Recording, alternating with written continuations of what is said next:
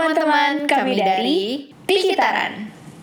Perkenalkan, nama gue Teresa. Dan gue Mira. Episode pertama, Pembelajaran jarak jauh.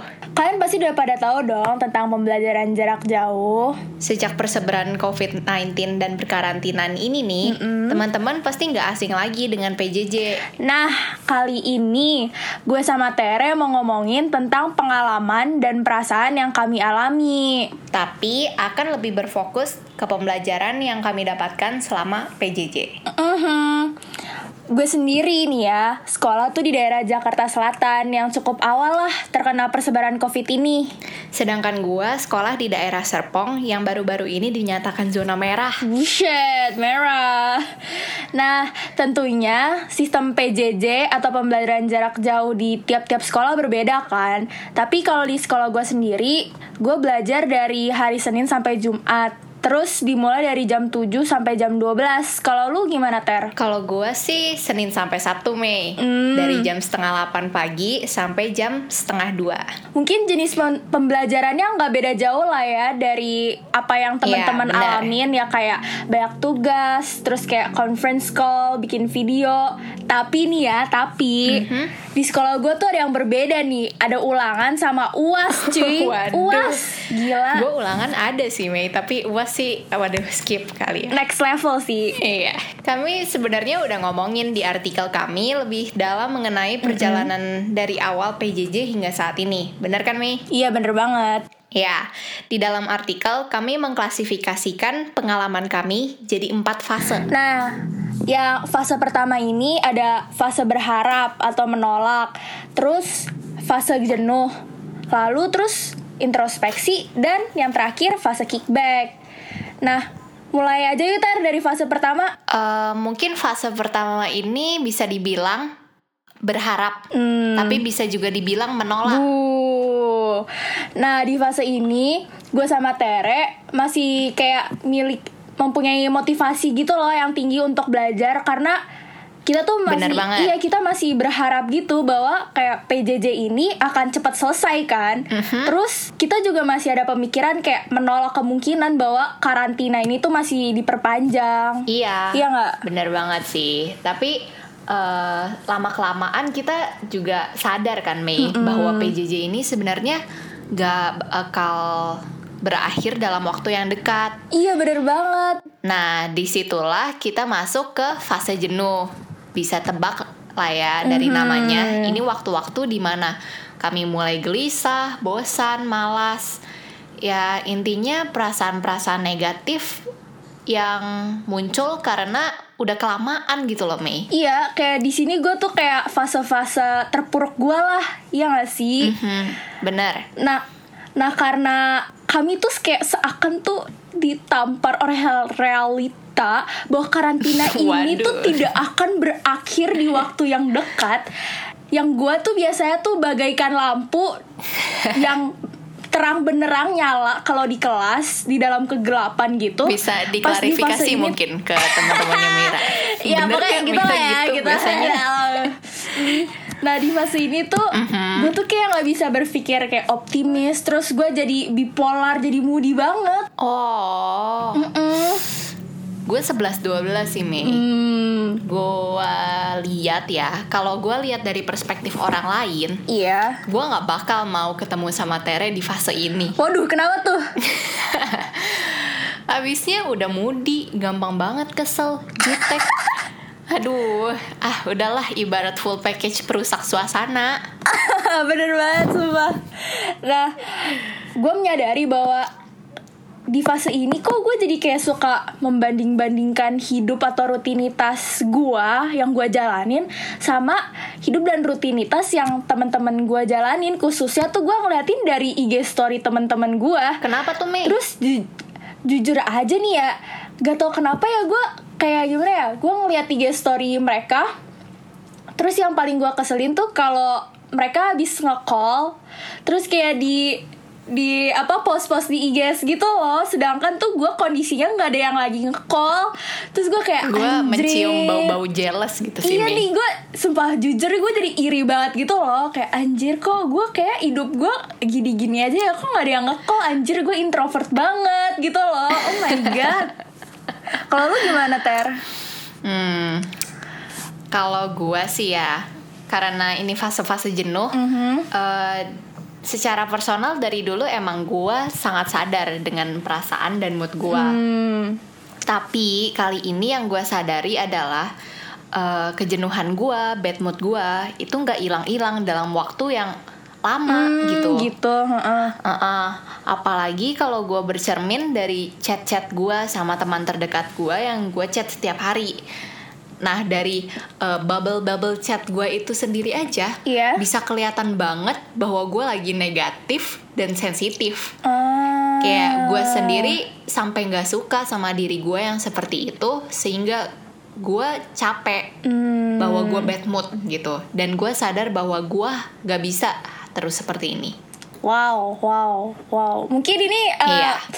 uh, masalahnya tuh berbeda gitu ya dari teman-teman. Kan kalau gue kan emang juga awalnya tuh gue nggak sadar gitu loh bahwa gue iri sampai gue Iya, kayak iya. ngeliat bahwa anjir gue ternyata iri gitu loh karena gue udah terus-terusan ngeliat tiga story gue terus gue kayak anjir orang ini ini orang ini ini gue jadi sedih karena itu gue baru Iya, sadar karena banget. itu Kayaknya Nah, sih kalau gue lihat juga apa eh, setiap orang emang pengalamannya beda-beda sih ya Mei. Tapi Iya. yang gue tahu pasti, nggak pasti sih. Tapi kebanyakan ya mayoritas dari kita pasti udah ngalamin fase ini gitu loh. Fase di mana kita udah eh, ibaratnya cukup lah sama Iya. corona ini kayak, duh stop lah gitu. Iya bener banget sih Iya sumpah Jujur relate banget Nah guys setelah kayak gua sama Tere itu sadar Bahwa pikiran dan perasaan yang kita miliki itu Bisa membawa kita ke fase di mana kita mulai bertanya-tanya nih Kenapa kok kita mikirnya kayak gini? Kenapa kok hal ini membuat kita sedih? Bener banget. Nah masuklah ke fase berikutnya tuh tuh yaitu fase introspeksi. introspeksi. Kami sadar bahwa perasaan-perasaan tersebut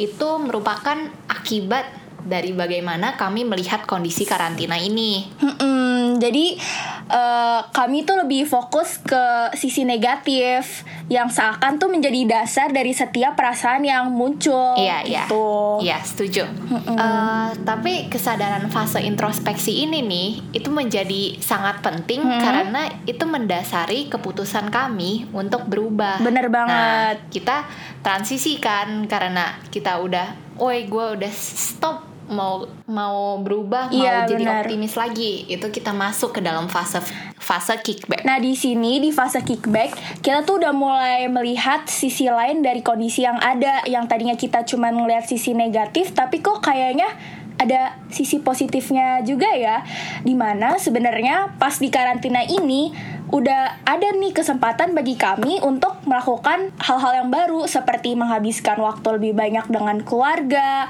terus menemukan hobi yang baru mengembangkan minat dan bakat dan masih banyak lagi tapi Ter, Iya. jujur, kenapa tuh? sih sebenarnya kita ngangkat dan sharing tentang pengalaman kita mengenai topik ini? Nah, kalau itu sih Mei, eh gua dan Mira dari Pikitaran sendiri Yes. ingin memberikan gambaran atau ilustrasi eh, tentang kehidupan kepada teman-teman. Hmm, Eh, kami pikir-pikir lagi eh, dari fase-fase yang kami alami selama masa PJJ ini itu bisa menjadi gambaran yang eh, cukup akurat tentang sebenarnya kehidupan itu akan membawa kita eh, di roller coaster emosi gitu mhm, kan. Bener banget, iya bener banget. Nah, tapi eh, setiap fase itu digambarkan menjadi deretan langkah-langkah dalam kehidupan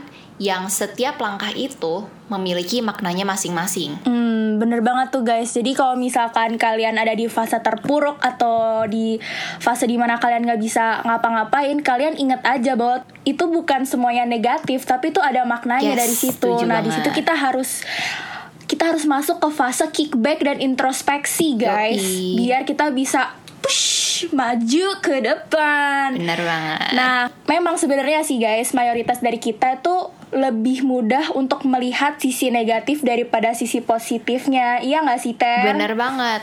Tapi Mei, Mhm. sesuatu yang gelap itu tidak akan ada tanpa sesuatu yang terang. Waduh. Begitu pula sebaliknya. Iya, ya kalau lebih puitisnya lagi nih Mei. Apa tuh? Kontras kontras itu dibutuhkan karena tanpa melihat kedua sisi dengan jelas, Iya. kondisi seakan menjadi abu-abu, kabur gitu.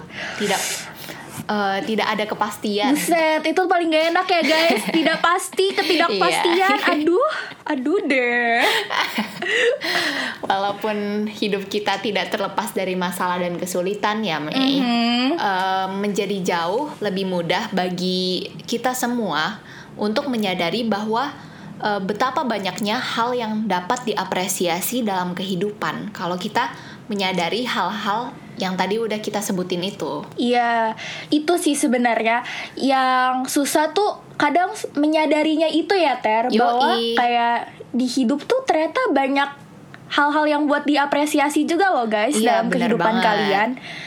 Itu benar-benar ngebantu, jujur personally ngebantu gua bahwa ya hidup gua tuh seru gitu loh Iya, kayak banyak iya. yang diapresiasi gue seneng dengan hidup gue dan gue juga pengen terus mengejar mimpi Mungkin Apa tuh? hidup kita nggak kayak yang film-film gitu sih Mei kan. Iyalah. tapi iya tapi eh, menurut gue ya Mhm. di setiap hari setiap eh, napas setiap detik hidup kita itu pasti ada satu hal kecil yang kita bisa apresiasi Iya bener banget Bener banget, gue setuju banget sama Tere. Nah, gue dan Tere berharap teman-teman sekalian yang lagi denger ini Atau yang udah baca di web kami di Pikitaran Juga bisa menemukan caranya masing-masing dalam melihat kedua sisi ini Baik yang positif maupun yang negatif. Nah, untuk itu jangan lupa follow dan share social handles kami di Instagram, Spotify, dan Anchor di Pikitaran. Oh ya BTW Kenali lebih lanjut dengan cara sering-sering main ke web kami ya. Link in bio. Dan akhir kata Thanks for listening to us And see y'all later. Dah. Dadah.